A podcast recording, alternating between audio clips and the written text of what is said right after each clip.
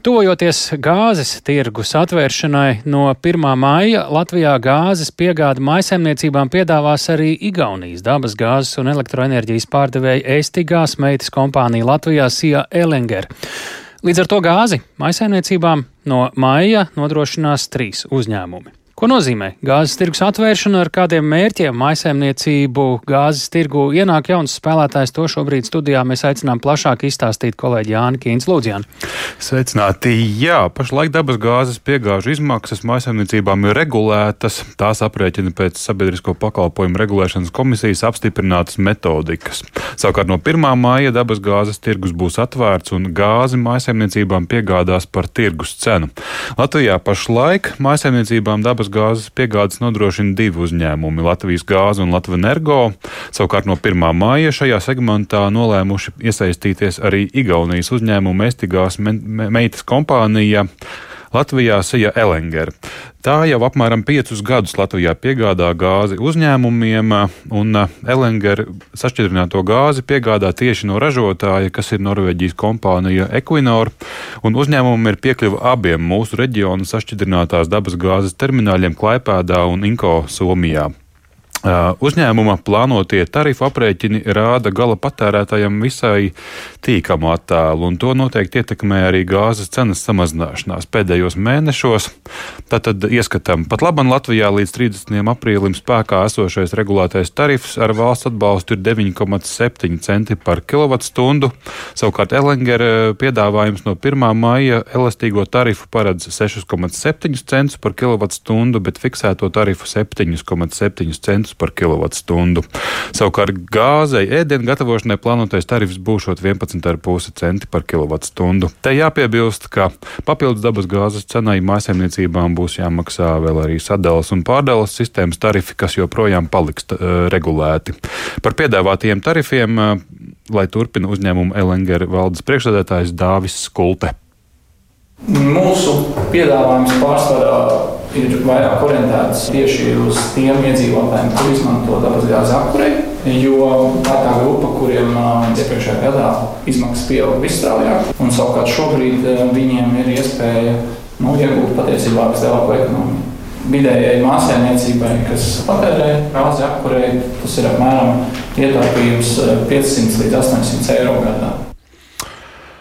Tātad pašlaik zināms, ka mājsaimniecībā un gāzi no 1. māja piegādās jau trīs kompānijas. Par citiem potenciāliem tirgus spēlētājiem pašlaik ziņu nav. Un vēsti par konkurenci brīvajā gāzes tirgu apsveic enerģētikas eksperts Juris Ozoliņš, kurš gan atturējās vērtēt, vai šajā tirgū būtu vietas vēl kādiem spēlētājiem. Ja ir viens tirgotājs, tad viņš ir monopola stāvoklī.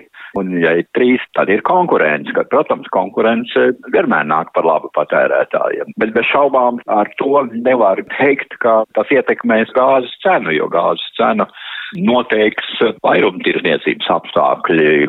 Skaidrs, ka tirgus mazs dalībnieku mums te ir maz, bet galvenais, lai vispār eksistē konkurence. Vēl piebildīšu, ka, lai arī jau 1. maijā notiks dabas gāzes tirgus pilnīga atvēršana, nozares regulējumu valdība plāno pieņemt tikai jaunedēļ. Ties gan regulējuma kavēšanās uzņēmumu plānus neietekmēšot. Paldies! Tik tālu Jānis Kīncis, bet šobrīd pie mūsu klausos ir Latvijas elektroenerģētiķu un energobūvnieku asociācijas izpildirektors Gunārs Valdmanis. Labdien! Labdien! Kur mēs šobrīd īsumā esam ar dabas gāzes tirgu Latvijā? Kolēģis Jānis jau tikko aptuveni ieskicēja, bet nu skatos, ka jau tagad dabas gāzi ir sākuši tirgot 11 tirgotāji, reģistrēti ir vēl 20. Kāda īsumā ir realitāte pirms 1. māja un kas ar to brīdi mainīsies līdz ar to? Mm -hmm. Nu jā, tas pats uh, svarīgākais, ko gribētos uzsvērt, ir patiesībā, ka uh, konkurence nav tikusi ierobežota arī līdz 1. maijam, un uh, patiesībā uzņēmumi uh, jau drīkstēja bez ierobežojumiem piedāvāt dabasgāzi arī maisaimniecībām arī iepriekš, bet ņemot vērā šo te nu, regulētās cenas griestu atzīmi, tas varbūt nebija tik pievilcīgi, jo šeit bija vienkārši ļoti viegli saprotami nosacījumi, pēc kā strādāt un arī zināmā mērā tās regulētās cenas priekšrocība, ka uh, tirgotājiem arī tika garantēts uh, šis te noteikts kaut kāds ie, ieņēmumu apjoms tātad par realizēto dabasgāzi. Tas mainīsies un visticamāk patiesībā tirgus kā tāds nepiedzīvos ļoti radikālas izmaiņas, bet tieši maisaimniecības segmentā, ko es prognozēju, parādīsies jaunas iespējas piedāvāt krietni atšķirīgus līgumus, kuri varbūt tik ļoti neatšķirsies pēc cenas, bet atšķirsies pēc citiem šo te līgumu nosacījumiem, kuri daļai patērētāji varētu būt visai būtiski. Un šeit varētu būt, pieņemsim, tādi piedāvājumi, kā cenas fiksēšana uz ievērojami ilgāku laiku. Tas varētu būt, pieņemsim, pievilcīgi tiem uh, lietotājiem, kuriem ir paliels dabasgāzes patēriņš un kuri vēlās, teiksim, prognozēt savas apkuras izmaksas uz ilgāku uh, periodu, teiksim, diviem gadiem. Uh, es domāju, ka šobrīd tirgotājiem faktiskā situācija ļaus arī šādu cenu piedāvājumu izteikt, un gluži pretēji, pieņemsim, tiem lietotājiem, kuriem ir pieejami vairāki uh, apkuras veidi un, pieņemsim, vairāki kurināmie, uh, savukārt varētu būt pievilcīgs tāds uh, cenu piedāvājums, kas ir pie, piesaistīts tieši vairumtirdzniecības cenai, jo tas viņiem savukārt ļaus katru mēnesi jau operatīvi plānot, kas viņiem tajā mēnesī ir uh, izdevīgāk tieši no apkuras viedokļa. Varbūt pavasara sezonā lētas elektroenerģijas gadījumā viņam var izrādīties izdevīgāk apkurināt ar elektroenerģiju un izvairīties no gāzes patēriņa, savukārt lē, lētas dabasgāzes gadījumā ar uh, mainīgu cenu, tātad viņam uh, var būt arī pievilcīgi lietot arī dabasgāzi.